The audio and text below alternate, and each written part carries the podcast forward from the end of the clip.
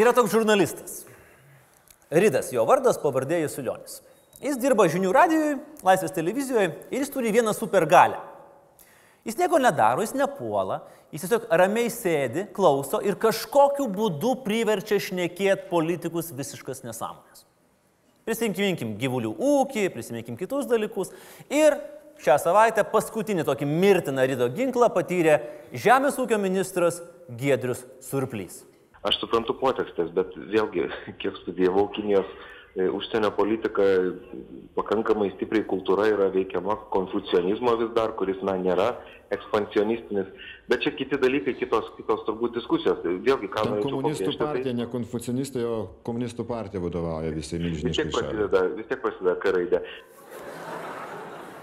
Konfucianizmas, komunizmas, tas pats, kad tik kitoj rankoje. Sveiki žiūrovai, laikykitės ten įžengę į 19 metus. Ta pati gera nuotaika, ta pati ironiška šypsena, tie patys mediniai pokštai, tie patys žali ministrai. Mes nesiūlysim nei konfucionizmo, nei komunizmo, mūsų mėgstamiausi žodžiai iš ką raidės yra konservatoriai ir Karbauskis. Ir čia jau tikrai nėra tas pats. Nesvarbu, kaip jūs žiūrite, per kompiuterį, planšetę, Init ar Baltikum televiziją, išmanėję dujinę viryklę ar dar kaip nors, jeigu to dar nepadarėt, spauskite raudoną subscribe arba prenumeruoti ir būkite kartu su Laisvės televizija visus šiuos metus. Pirmoji mūsų stotelė šiemet - Marijampolė. Seniai norėjom čia atvažiuoti, bet visus 18 metus salės Marijai buvo užimtos Lietuvos kultūros sostinė. Daug buvo Marijampolėje gražių renginių, tikrai labai daug, bet vis dėlto autoritetinga, laikykitės ten komisija, išrinko tą vienintelį, kuris iš tikrųjų nuosekliai pritraukė minės žmonių, sukėlė euforiją ir, pasak merės Lunskinės, padarė Marijampolę garse. Kas? McDonald's atidarimas. Jie bet kuriam mieste nestato savo, par, savo McDonald'ų. Aš manau, kad mes esame išskirtiniai. Nestato bet kuriam mieste McDonald's. McDonald's atidarė viso labo 38 245 restoraną pasaulyje ir nuo šiol jis taps viso regiono traukos centru.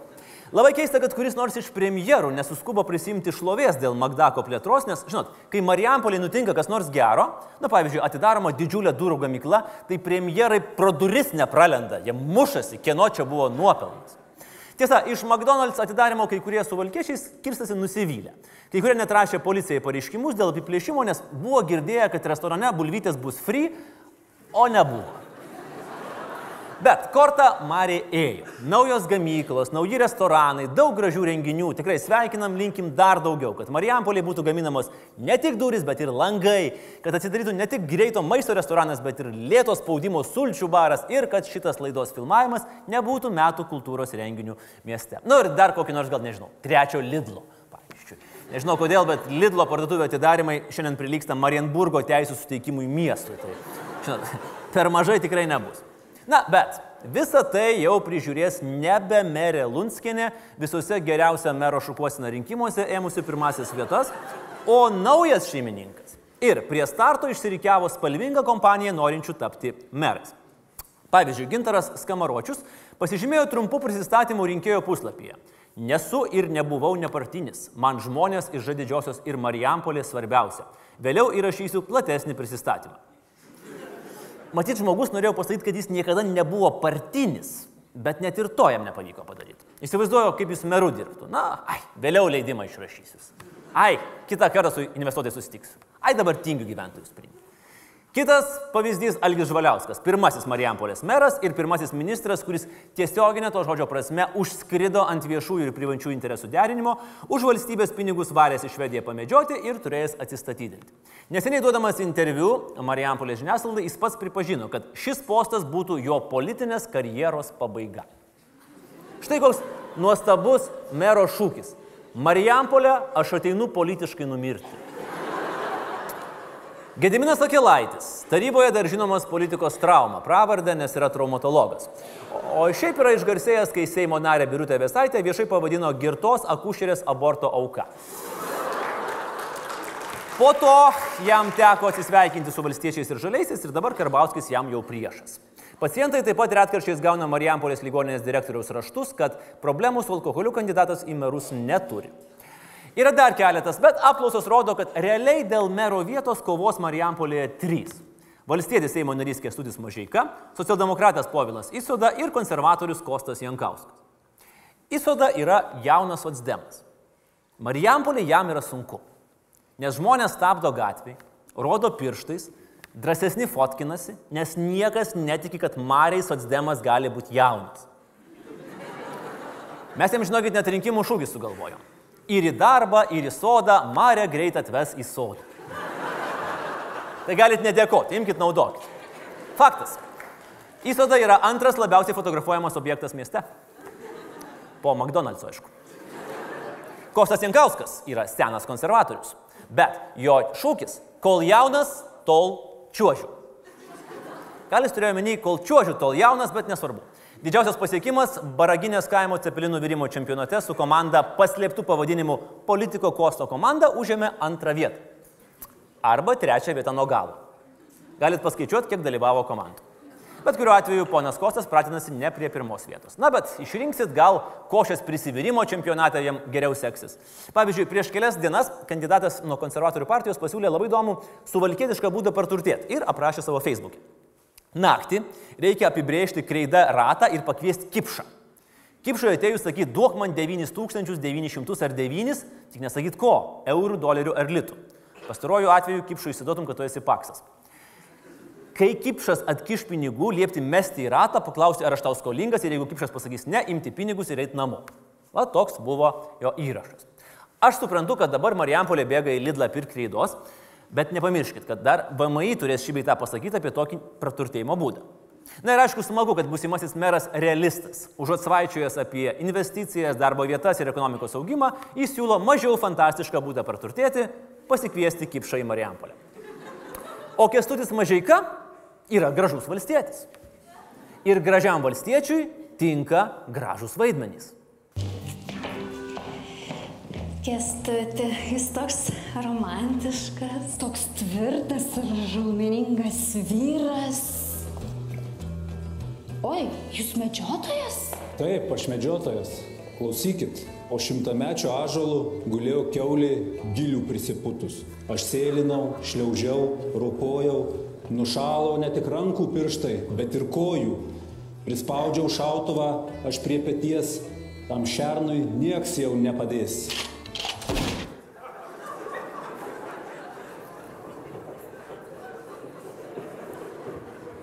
Meras.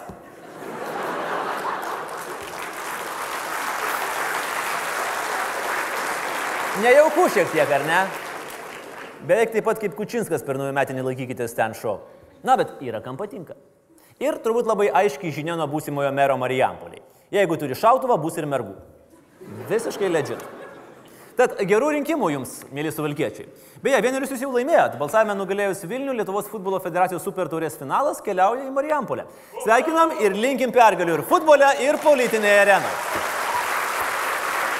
Bet žinot ką? Toks dar reikalas yra. Šį kartą tai gal ateikit balsuoti už savo merą Marijampolę.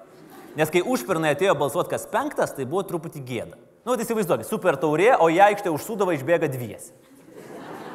Aš suprantu, kartais atrodo ir atrodo, kad nėra už ką balsuoti. Aš suprantu. Aš Vilniui merą renku, aš suprantu. Bet juk principas paprastas. Nerinksi tu, išrinks tau. Kovo trečią eikit balsuoti. O paskui bulvyčiai į McDonald's. Sėkmės. O mes pažiūrėkim, kaip metai prasidėjo Lietuvoje. Ne visiems smagiai. Užsidarė restoranas Katlerio kebabų. Pats Mantas komentavo, nu ką, katė išlindo iš maišo. Ta prasme, mėsa pabėgo. Na, man dabar viskas aišku, kaip žmogus, kadaise turėjęs restoraną, atsakingai sakau, kaip gali sklandžiai veikti kebabinė, kai katės iš maišų išlindinėja. Sutrinka visa maisto grandinė.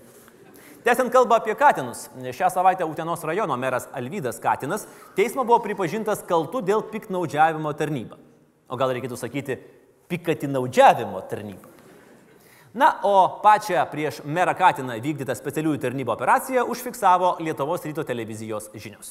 Liudininkų teigimu aukštalipis buvo užlipęs prie pat Katino, tačiau šis pastarojo išsigandęs spruko dar aukščiau ir nukrito. Apačioje stovėję žmonės jį sugavo sulaikytų pledų. Katinas sveikas ir gyvas. O kadangi Utenos meras Katinas dar yra ir poetas ir rašytojas, jis pats žadėjo reaguoti į teismo sprendimą, pavyzdžiui, linksmų aforizmų ar eilėraščių. Ir kol jis galvoja, mes skubam į pagalbą. Pasakyk, prašau, pilieti, kaip dabar teismais tikėti, jei net mera Utenos sugrėbė už odegos.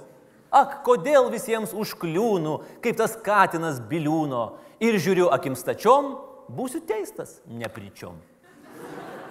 Beje, prieš naujuosius nuo Katino nukentėjo ir Klaipėdoje eksponuota prakartėlė.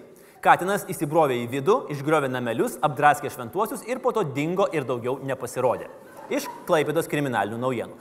Žodžiu, trys katinai elgėsi kaip tikri niekadėjai ir tik Laisvės TV katukai elgėsi gražiai, padoriai ir puošia internetą. Būtinai įsijunkite ir pasižiūrėkite katukų vlogą, jeigu dar nežiūrėjote. O gyvūnai siautėjo ir kitur. Kedainiuose prieš naujuosius kilo gaisras, kai šeimininkams išėjus būte gyvenantis vežlys nuvertė kaitrinę lempą ir kaip vėjas išlėkė į kitą kambarį, kur ir sulaukė ugnegesių. Vėžliui viskas gerai. O štai vienas iš ugnegesių tik vakar išleistas iš ligoninės dėl nevaldomo juoko priepolių. Švietimo ir šventimo naujienos Lietuvoje. Tik viena raidė, o koks skirtumas? Ta raidė supainiojo ir Kazlų Rūdos mokyklos direktorius Audrius Vaivada, kuris ketvirtadienį vairavo visiškai girtas. 2,24 promilės. Kiekvienas gali paslysti, komentavo iš darbo išėjęs direktorius. Ketvirtadienis, 15.30 po piet, 2,24 promilės. Kiekvienas gali paslysti. Kalti kelininkai. Girtas direktorius juos užklupo netikėtai visiškai.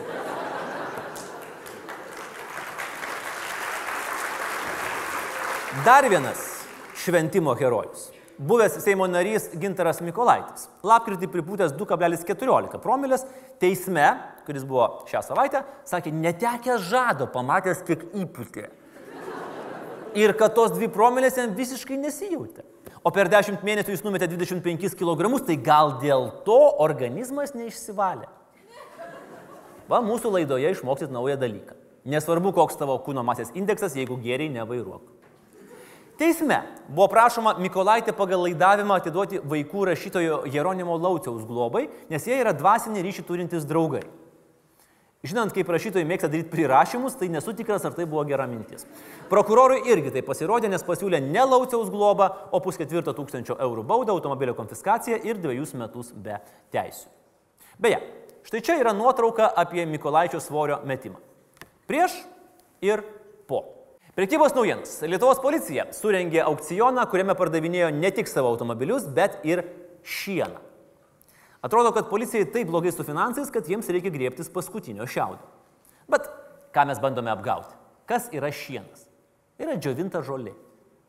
Bet negi policija prisipažins, kad pardavinėja žolę. Beje, pernai pats policijos komunikacijos vadovas Ramūnas Matonis įspėjo, kad plinta nesažiningi skelbimai internete ir žmonės vietoje narkotikų nusiperka paprasčiausio šieno. Dalis tų e, skelbimų apie parduodamus narkotikus buvo netikri ir iš tiesų ten pardavinėjo visai ne narkotikus, o paprasčiausiai šieną, kokios nors e, tabletės, vaistus ir taip toliau. Taip kad atsargiai su tais policijos skelbimais. Dabar meilės naujienos ir užsienis. Malazijos karalius atsisakė sosto ir vedė Rusaitę buvusią Miss Maskva. Arba kaip pranešė vietos spauda, karalius pra sostą. Na, bent jau iš žmonos grožio karalienės titulo tikrai niekas netims. Beje, su toktinė anksčiau Rusijoje išgarsėjo, kai dalyvaudama realybės šou galimai užsėmė seksų baseinę su kitų dalyvių. Oksana Vojevodina, taip karalienė buvo žinoma anksčiau, dabar priėmė islamą ir pasikeitė vardą į Rihaną Oksaną. Rihana su viena N. Grįžkime į Lietuvą. Kosminių finansų naujienos. Biudžeto ir finansų komiteto pirmininkas Tasys Jekeliūnas užsibrėžė pats, va štai šitom rankom, išmesti už pakarpos iš Lietuvos visus užsienio investuotojus. Šį kartą jis kreipėsi į FNTT ir VSD dėl Revolut veiklos Lietuvoje. Atrodo, kad Stasiukas primetė, kad Revolut vis tiek jo į darbą nepriims po kadencijos, tai kam jie čia reikalingi? Žinutė investuotojams yra labai aiški. Eisit į Lietuvą, jūsų lauks ne problemų liūnas, jūsų lauks problemų jekeliūnas. Rinkimų naujienos. Gitanas Nausėda susitiko su Algirdu Butkevičiumi ir abu neneigė, kad per rinkimus gali bendradarbiauti. Buskevičius dar papildė, kad galvojant apie Europarlamentą, bendras turas po Lietuvą su Nausėda leistų jam pasiekti didesnę auditoriją. Na, logikos yra. Katunskytė koncertuoja kartu su Maniku, Manikas su Katunskytė, Butkevičius apšildys Nausėdą, po to Nausėda apšildys Butkevičius. Žodžiu, bus daug šiltų susitikimų. O realiai tai tiesiog vyrai turbūt nusprendė sutaupyti ant benzino, nes važinės su viena mašina. Kitas kandidatas, Naglis Puteikis, atsisakė kraustytis iš Seimo viešbučio ir tapo antrų žymiausių Lietuvos skvoterių po Kristinos Brazauskinės turniškėse. Naglio argumentas buvo pakankamai naglas. Užsispyriau, supikau ir neįsinėjau. Televizijos jau kūrė realybės šou formatą Naktis su Puteikiu. O Puteikio būte turėjusi apsigyventi naujoji parlamentarė Irena Hase gyvens Seimo rūmose. Ir jeigu bus gera, jai kanceliarija netgi žada nupirkti lovą. Čia yra tikslios citatos iš straipsnių. Bet tokioje mes gyvename įdomioje šalyje. O visos istorijos smagiausia dalis - Puteikis turi būti Vilniui, bet kaip sakoma, come on, best things in life are free. Šypsena, apsikabinimas, saulėlydis ir Seimo viešbutis. MG Baltic korupcijos byloje sudalyvavo amžinasis meras Artūras Zuokas. Jis į teismo posėdį atvyko pavėlavęs. Toliau citata iš posėdžio. Kas atvyko, paklausė teisėja Žimkienė, išgirdusi praveriamas duris. Liudytojas atsakė Zuokas. Nu Artūrai, nu baig, sako teisėjai. Nu tikrai liudytojas, nu aš liudytojas. Nu baig Artūrai, nu ką tu čia bandai apgauti, nu ar tu save bandai apgauti. Nu bet aš tikrai šiandien tik liudytojas, Zuokas jau buvo matyti netoli ašarų ir tik pasikėlus popierius dideliam teisėjų nustebimui paaiškėjo, kad teisme esantis Zuokas iš tikrųjų, iš tikrųjų yra tik liudytojas. Zuoko liūdimą Raimondas Kurlenskis pavadino loserio paviršlenimas. Matyt, Kurlenskijui atrodo, kad yra geresnių būdų, kaip panaudoti liežuvį, nei liūdėti prieš MG Baltic. Štai pavyzdžiui, populiarus šios savaitės pavyzdys. Junktinių Amerikos valstijų Kalifornijos miestelio Solino policija paskelbė vyro paiešką, kuris prieėjęs prie nepažįstamųjų namų beveik 3 valandas laižė jų durų skambutį.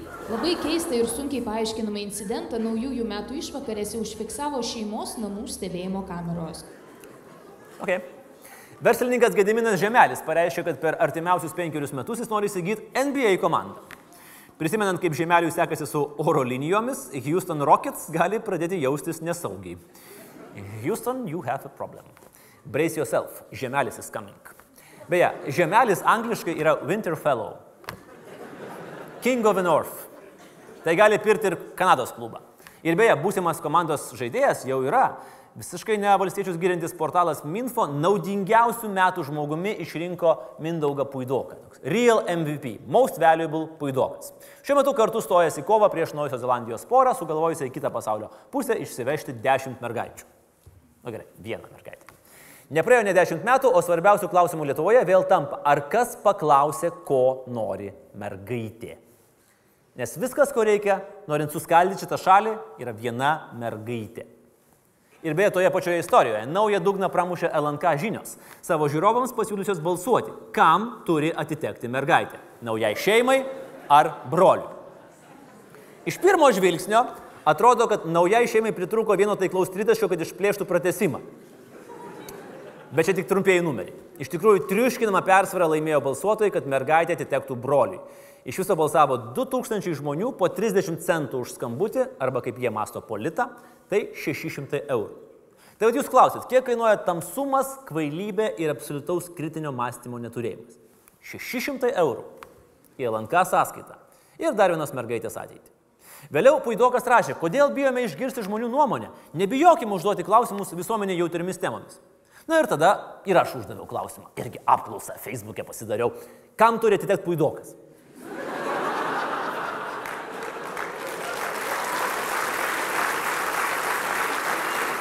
Naujai šeimai Norvegijoje ar Sirijaus sektos vadovui? Per valandą balsavo jau du kartus daugiau negu žmonių negu LNK apklausoje ir 3 ketvirtadaliai pasirinko Sirijaus sektą. Beje, balsavo ir Puidogo frakcijos kolega ūkio ministras Virginijus Sinkevičius. Ir kai aš paklausiau jo, ar jis tikrai rinkosi variantą nauja šeima Norvegijoje Puidokui ir ar jis nepersigalvos, lakoniškai atsakė, ne. Į paralelinę visatą skrieja ir save pasiskelbusio Kručinskų šeimos advokato Dambrausko pareiškimas. Motinos mušimas kaip sviestų tepimas. Tai iš esmės, iš esmės kas tame yra suvokiama? Mes sakom dabar, tai yra smurtas. Tačiau tai motinos mušimas kaip sviestų tepimas mes truputį kitaip suvokiam. Čia tautosaka, sako advokatas. Na, nuėjau aš pažiūrėti tą mūsų tautosaką. Muštai myli, mušimu girtuokliu nuo karčiamos net grasysi, už vieną muštą septynis nemuštus duoda, mylė kaip dušė, kries kaip grūšė, Žodžiu, Einikis aprūs. Netoks gudo mušimas kaip žydo rėkimas. Gal dar šitų patarlių į konstituciją nedėkim. Ir tas sviesto tepimas. Nu, ką žinau.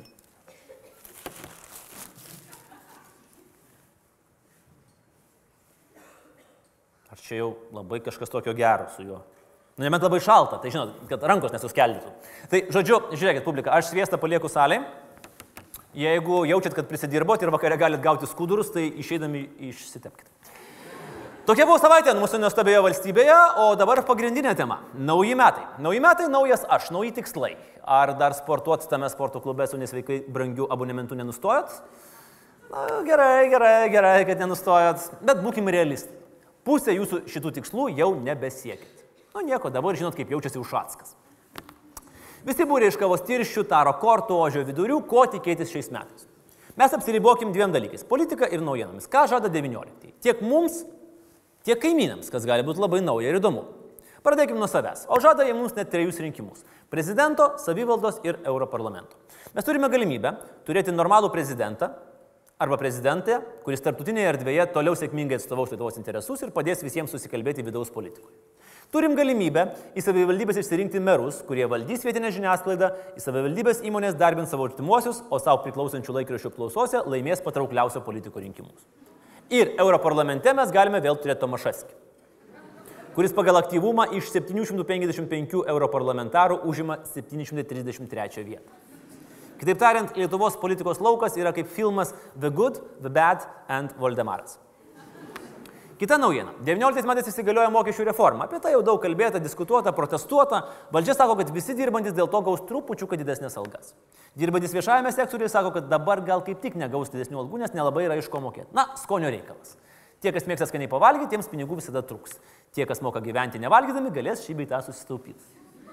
Su tuo susijusi naujiena numeris 3. Auks algos, bet viskas brangs. Ir tai yra normalu, kol algos auga greičiau už kainas. Bet jūs atėjote ne į makroekonomikos paskaitą, o į satyro šou, tai štai jums juokelis. Labiausiai šiais metais algos padidėjimo tikisi ministras pirmininkas Saulis Skvernelis, nes prezidento alga yra maždaug pusantro tūkstančio eurų didesnė negu premjero. Na gerai, čia ne juokelis, čia faktas.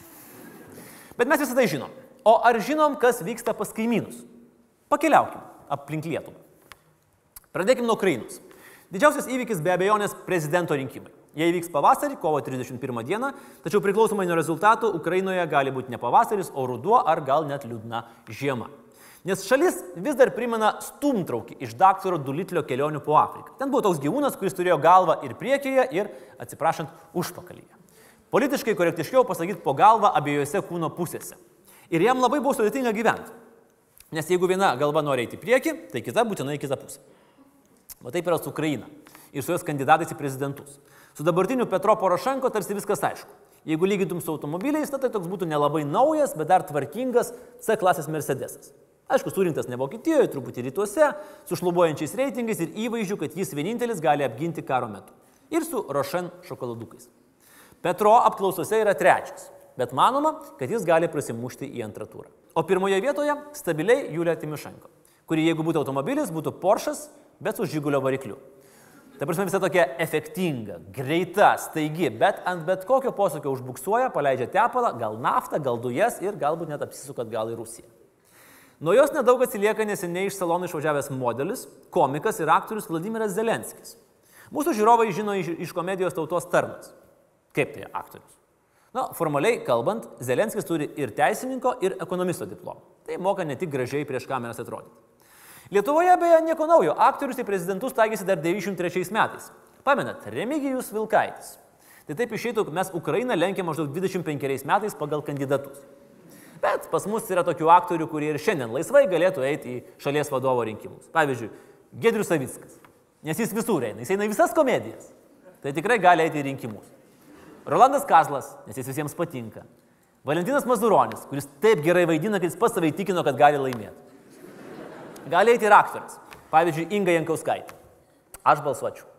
Ir eičiau iš paskos. Realiai, kur jinai eitų, aš eičiau iš paskos. Būčiau toks Tarkovskio stalkeris. Kitas dalykas, atrodo, kad Zelenski, būtent Zelenski, o ne Julija Timošenko remia oligarchas Igoris Kolomoiskis. O Ukrainoje oligarchai yra rimti. Netokie nupiepia, kaip nesakysim kur, kur net politikų normaliai nupirkti nesugeba ir tamposi su visokiam dėžutėm pilietiškumo fondais, nu kaip vaikai. Be oligarchų pagalbos rinkimuose Ukrainoje ne iš vietos. Gerai Petrui Porošenko, jis pats oligarchas. O ką kitiem daryti? Dėt skelbimai laikraštį, ieško oligarcho. Jeigu tu oligarchas, išpildysiu visus tavo norus. Perspektyvus Ukrainos politikas susipažintų su apsirūpinusiu oligarchu rimtai draugystė. Ir žinot, turbūt tokie skelbimai Ukrainoje veikia, nes Timošenko remia Dmitrijus Firtašas, Zelenskis Kolomojskis, na, o visi kiti irgi žiūri, ką čia paremus ir neprašomus. Zelenskis dar yra didelis tinginys, jis net nepasivargino savo rinkiminės programos paruošti, vietoj to kreipėsi į žmonės. Nu, tipo, siūskit savo pasiūlymus, mes juos viešai paskelbsim, už ką daugiausiai žmonių pasisakys, tuos įtrauksim į programą. O dar geriau skambinkit trumpuoju numeriu, jam galėtų pasiūlyti LNK žinios. Kodėl mūsiškiams tokia mintis dar netoptelėjo? Pavyzdžiui, būtų įdomu sužinoti, kaip elgtųsi Valentinas Mazuronis, jeigu tauta nuspręstų, kad visiems jis turi duoti po dolerį. Ukrainoje gyvenantis inscenizuotas savo žmogžudystę išgarsėjęs žurnalistas Arkadijus Babčenka puikiai sutraukė kandidatų programas į keliolika punktų. Dujos nemokamai, vanduo nemokamai, košė nemokamai, doleris pigus, pensijos po tūkstantį dolerių, tų pigių. Į karą turėti Porošenko sunus, mokesčius tegu jis irgi moka. Greičio viršymas iki 20 nesiskaito. Iki 40 reikia susitart. Susitart galima su visais ir dėl visko. Bet korupciją rausim su šaknim. Keliai bus geri. Jos taisys Porošenko sunus. Kiekvienai Ukrainos moteriai po vyrą. Kiekvienam vyrui po butelį. Viskas. Ir jeigu manote, kad Lietuvoje vyroja populizmas ir kontroliuojama demokratija, užmeskit bičiuliai akį į Ukrainą. Tarp kitų kandidatų yra egzotiškų personų, tokia Ina Bogoslavska. Jie eina vis, visus rinkimus su vieninteliu tikslu - kuo daugiau pavaryti ant Timošenko. Realiai tuo gyvena. Tarp moterų ne šiaip katė prabėgo, tarp tų moterų turėjo juodų kačių veistikla įsikūrti. O visos kitos pavardės - Virkūlai, Besmertinai, Tarūtos, Leško, Boiko - nei jums ką labai sako, nei patiems ukrainiečiams. Kova vyks tarp trijų išvardintų. Ir nuo to priklausys, į kurią pusę žemėlapyje pajudės Ukraina - Zelenskis, Porošenko ar Timošenko. Rudenį ten beje dar vyks ir rinkimai į parlamentą, bet apie tai dar anksti. Tik tai vienas įdomus faktas. Jeigu juos laimėtų partija pavadinimu opozicijos blokas, įdomu, ar jie keistų pavadinimą. Nes jeigu ne, tai būtų vienintelė šalis pasaulyje, kurią valdytų opozicijos blokas. Dabar kaimynai Baltarusija. Ten jokių rinkimų nenusimato, bet antra vertus, kada Baltarusijoje pokyčiai priklausė nuo rinkimų. Užtat paskutinėmis dienomis ten vyrė kažkokie labai keisti dalykai su Rusija. Vieną dieną jau visi laidoja Baltarusijos nepriklausomybę. Maždaug Rusija viską prarijo, viskas. Kitą dieną Lukašenka susikviečia visą vadovybę, sako, ne žingsnio atgal, mūsų tai paprastai nesuvalgys. Trečią dieną televizijoms pranešama, agirdžit, vakare rezervuokit kelias minutės, prezidentas paskelbs svarbų dalyką. Viskas, visi geria validolį, viskas, mes Rusijos dalis, prezidento nėra, yra tik tai Labanas vaikučiai. Ne Kriušė ir Stipaška, o Volodė ir Saška. Ir jau ne pirmas kartas, kad Rusija ir Baltarusija reguliariai prisimena, kad kažkada žadėjo tapti sąjunginė valstybė. Tiksliau, Rusija prisimena, O Baltarusija kasosi galvą, sako, rimtai? Žadėjom? Eina, šit, matai. Ko tik neprišneki pokalbį prie čerkos palaikydamas. O mes turbūt galime net šiek tiek savanaudiškai pasidžiaugti, kad kol kas iš to gaunasi tik Minsko nesusitarimas. Ir tikrai klausimas, ar šitas kartas jau paskutinis. Nes Batkė nekartą įrodė, kad turi daugiau gyvybių negu katė ir niekas nenusteps, jeigu jis vėl kažkaip išsipainios. Na gal atiduos kokį kombinatą kokiam oligarchui, kuriam dabar depresija dėl vakarų sankcijų. Dar žinoma yra gyva ir samokslo teorija, kad jokios trečios Putino kadencijos nebus. Bus pirma naujos jungtinės valstybės kadencija. O daugiau permainų nesimato Baltarusijoje, išskyrus tai, kad metų gale turėtų įsijungti Astravas. Beje, būtent Astravas gali sukelti nekilnojamo turto kainų sprogimą Vilniuje. Tiksliau, jeigu sprogimas bus Astravė, tai būtai Vilniui akivaizdžiai piks. Lenkija labai nustebinti nežada. Mažinti mokesčius, įgyvendinti pensijų reformą, priversti žmonės laikytis atstumo keliuose, o jeigu kamštis, baušti už per didelį atstumą. Bet mums nei šilta, nei šalta.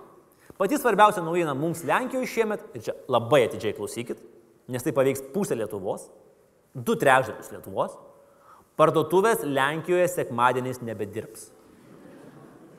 Planavote vasario 16 ar Liepos 6, tai yra šeštadienį pašvest, o sekmadienį suvalgus apsipirkti nulėkti? Na, neišeis. Reikės rinktis. Ir va idėja LNK žinioms. Balsuok, ką mėgsti labiau. Karalių Mindaugą ar pigę dešrą. Skambių antrašių iš Lenkijos nesitikėkit, nes situaciją valdo ateinančių rinkimų nuotaikos.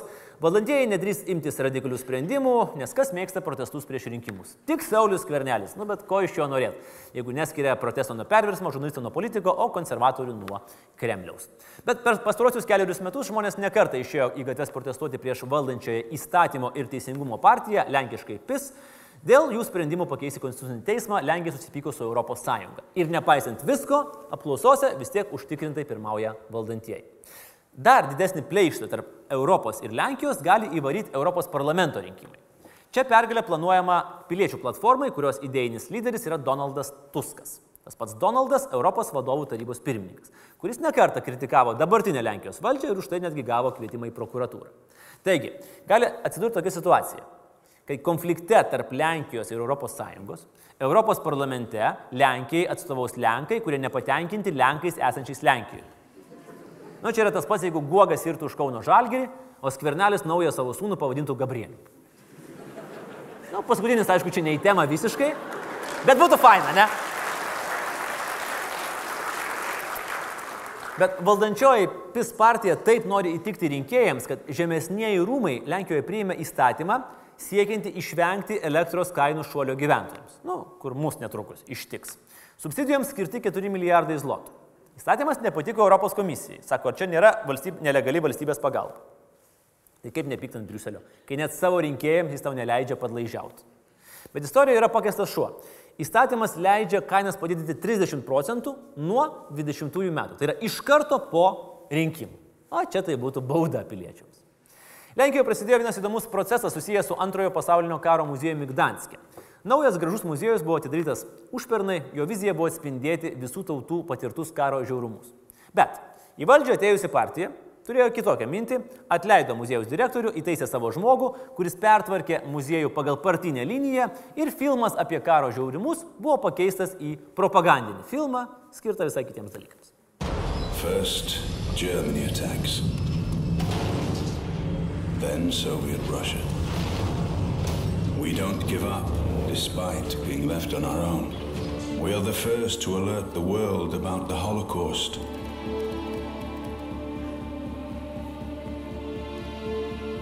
Though politics appear to be more important than human lives.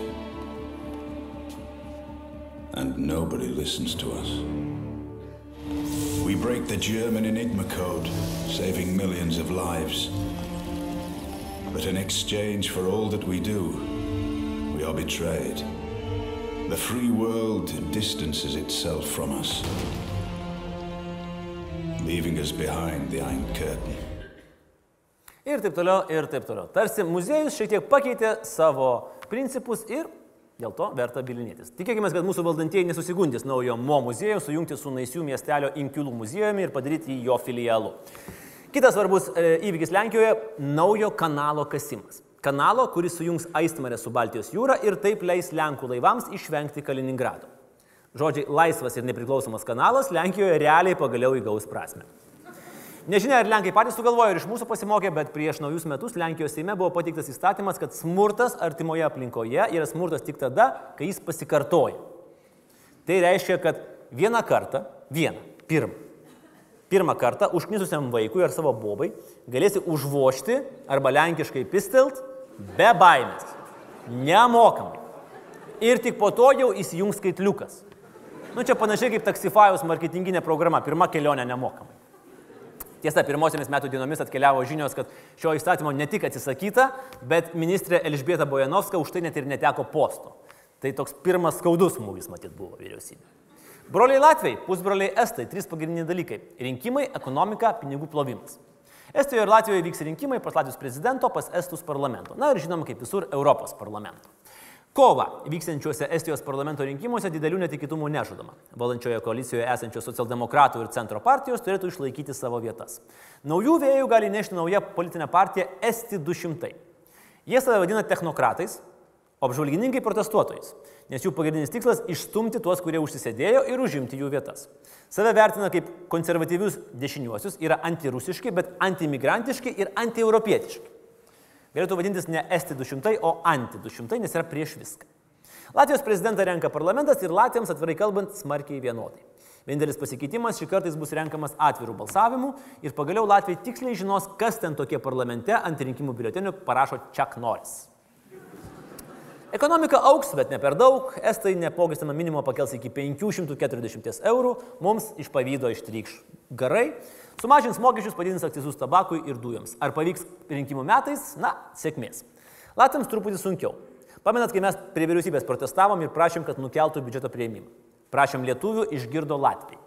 Nukėlė biudžetą taip, kad pradėjo su laikinu biudžetu ir partijoms nepavyko susitarti, prezidentas priėmė sprendimą, kad 19 metų biudžetas bus toks pat kaip 18, tik tai viena dvyliktaja didesnis. Na, toks žinot, lengviausias būdas paruošti namų darbus. Su kopijavimo aparatu atsišvietė vakarykščius namų darbus ir ant viršaus su tušinuku prirašai šios dienos datą. Viskas. Kur Latviams ir Estams reikės pasistengti atsikratyti pinigų plovyklų šešėlį.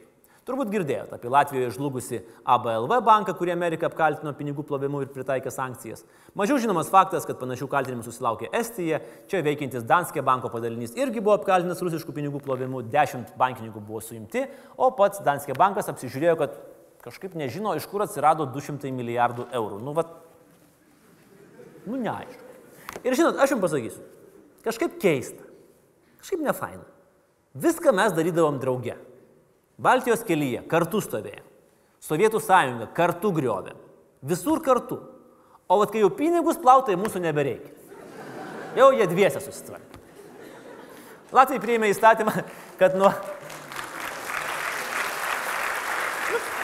Latvijai priėmė įstatymą, kad nuo rugsėjo visose Latvijos mokyklose pamokos vyks tik latvių kalba.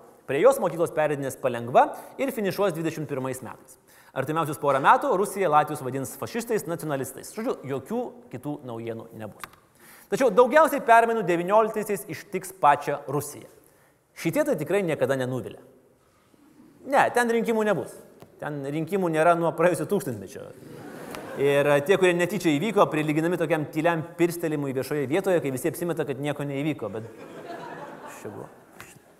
Žinot, ten bus toks žaidimas kai eiliniam rusui duos kaladėlės su raidėmis O, Ž, P ir A ir lieps sudėlioti žodį laimė. Nes jeigu mes skundžiamės, kad išauks dujų ir elektros kainos, tai Rusijoje 19 metais išauks viskas, išskyrus ekonomiką.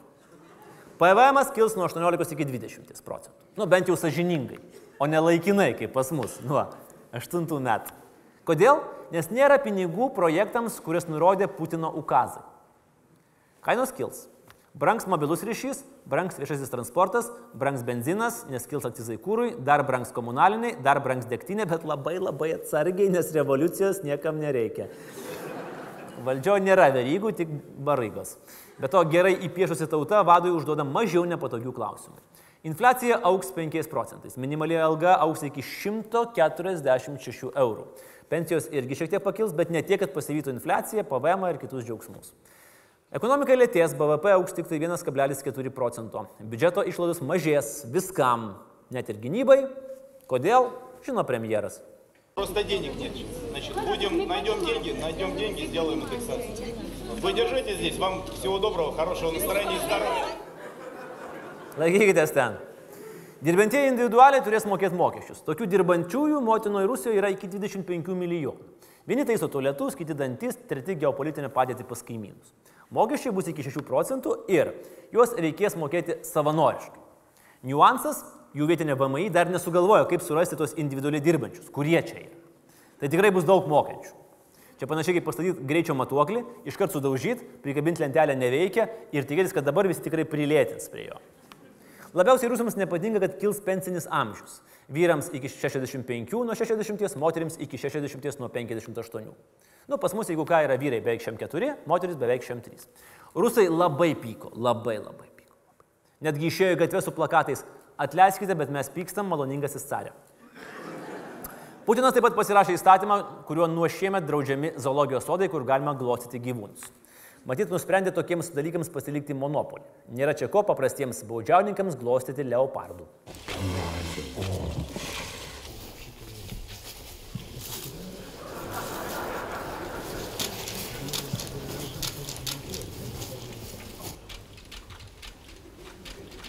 Gracias.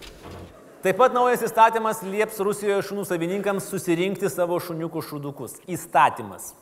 Atsakomybės įstatymas nenumato, tai savanoriškai irgi reikės. Nu tai čia čim, Čimbarui tikrai patiktų Petrui. 19. Rusija perina prie skaitminės televizijos. Šiam žingsniui ruoštasi 10 metų. Skirta 100 milijardų ir atjungti norėta 15. Nespėta. Tada 18. Nespėta. Tada 19 teoriškai irgi nespėta, nes skaičiuojama, kad apie 30 milijonų gyventojų atjungus analoginę televiziją liktų iš viso be nieko. Todėl atjunginėjama bus palaipsniui.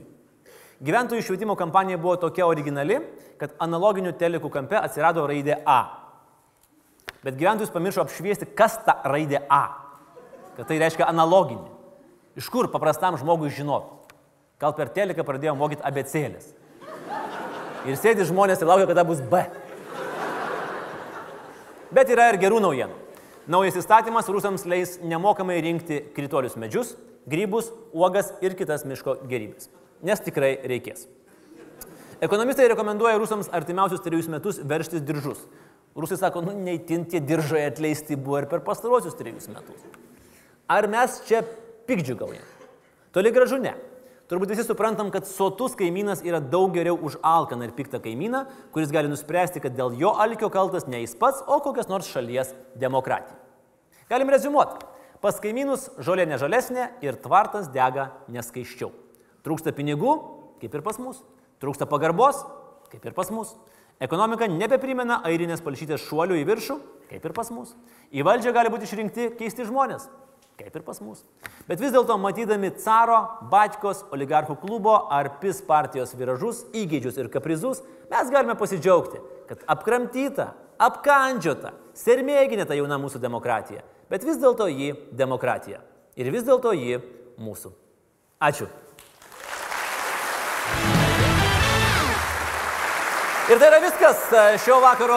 Laikykitės ten. Žiūrovams aš sakau ačiū. Žiūrėkite Laisvės televiziją, sekite mūsų YouTube, Facebook'e ir pasimatysime po savaitės. Iki.